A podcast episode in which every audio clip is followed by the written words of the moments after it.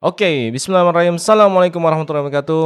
Ketemu lagi dengan saya Tangguh Rifki dari digidalitics.id, podcast tentang digital marketing dan data analytics. Oke, di podcast kali ini saya mau bahas tentang promosi ya. Ternyata tapi uh, ada yang unik karena saya baca salah satu buku tentang teori-teori marketing. Ini bahasannya tentang bauran marketing. Nah, menarik nih saya walaupun nggak kuliah di bagian bisnis atau marketing akhirnya belajar marketing. Tapi saya mempelajari uh, karena saya kuliahnya backgroundnya public public relation ya itu dia. Jadi komunikasi lah. nah dan uniknya lagi tiba-tiba bikin podcast ini karena kemarin tuh baru live sama Mas Novi dari Commerce bahas tentang value proposition canvas ya ternyata bahas tentang produk tuh gimana sih kebetulan kan uh, saya lagi menghandling produk-produk yang datang atau partner-partner yang datang mau maklon di tempat tempat saya. nah, jadi di situ dibahas tentang uh, creating produk ya. Produk itu seperti apa sih? Nah, ternyata uh, di bagian di buku ini uh, saya bahas nih buku ini tentang marketing plan dalam bisnis yang edisi ketiga. Nah, ini bahas tentang borong marketing tentang promosi gitu kan. Ternyata di promosi sini uh, kalau bahas value proposition lebih menarik ya. Teman-teman bisa nentukan behavior dan semua detail lah. Bisa nge-breakdown di bagian dua bagi dua bagan itu kanan dan kiri ini. Cuman kalau saya baca di sini ada empat poin aja nih masalah promosi ini. Nah, jadi empat poin ini cukup menarik gitu kan. Dari tulisan ini, oh ya ringan tapi tepat gitu ya, ngena gitu, ngena lah. Jadi disebut di sini ada 4 CS di silangnya. Di belakangnya 4 CS. Ya, ada C ada ada 4 C plus S ya, maksudnya mungkin gitu. Yang pertama adalah produk memberikan manfaat customer solution. Nah, itu bilang disebutnya CS tadi ya. Customer memberikan manfaat customer solution. Artinya produk dapat membantu dan mampu memecahkan masalah konsumen. Nah, ini dia.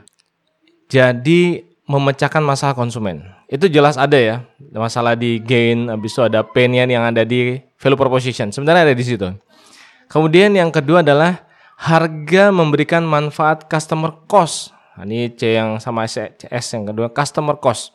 Artinya harga yang dibayarkan konsumen untuk membeli produk tersebut sesuai dengan kebutuhan dan keinginannya.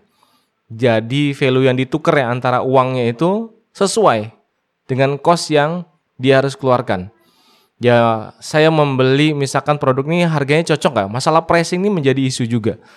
Kita menentukan harga seperti apa sih, cocok atau enggak sih, kemahalan atau enggak sih, gitu kan. Nah ini bisa teman-teman melakukan survei, riset dan lain-lain.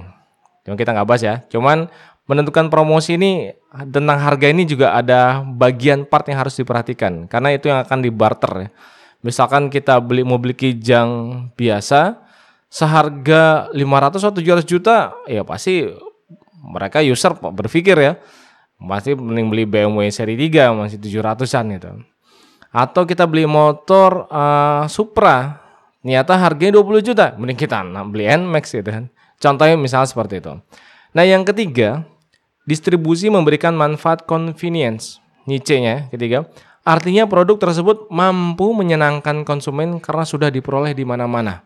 Berarti kalau peroleh di mana-mana berarti jalur distribution ya. Bisa jadi kalau kita online tinggal beli tinggal kirim. Cuman ada kalanya user itu senang misalkan uh, saya mainan di herbal, herbal itu ada di toko herbal semuanya atau kalau mainan kesehatan sudah ada di apotek-apotek atau memiliki jalur distribusi tersendiri di masing-masing tempat lokasi yang sudah kita targetkan. Misalkan distributor, memiliki agen, memiliki stokis.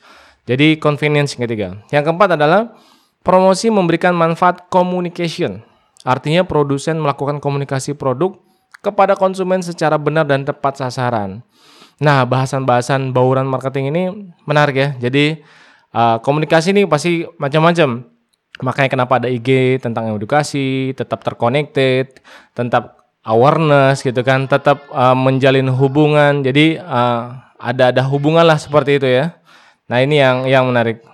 Jadi itulah uh, communication ini bahasannya pasti banyak ya kalau di breakdown. Secara teori uh, inti di kalau dilihat mudah ya empat bagian ini ya tadi ya. Customer solution, customer cost, convenience sama communication. Tapi dalam penerapannya ya pasti masya Allah ya.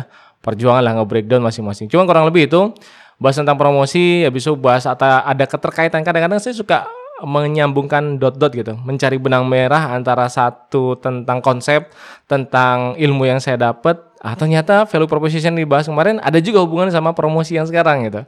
Nyata bahas tentang customer solution, customer cost masuk di value proposition itu. Mungkin teman-teman nanti bisa cek video yang di Commerce juga bahas tentang value proposition atau next podcast kita bahas yang lain tentang uh, value proposition ya. Kita bisa break satu-satu lah. Oke itu aja semoga manfaat. Ketemu lagi di podcast selanjutnya. Terima kasih. Assalamualaikum warahmatullahi wabarakatuh.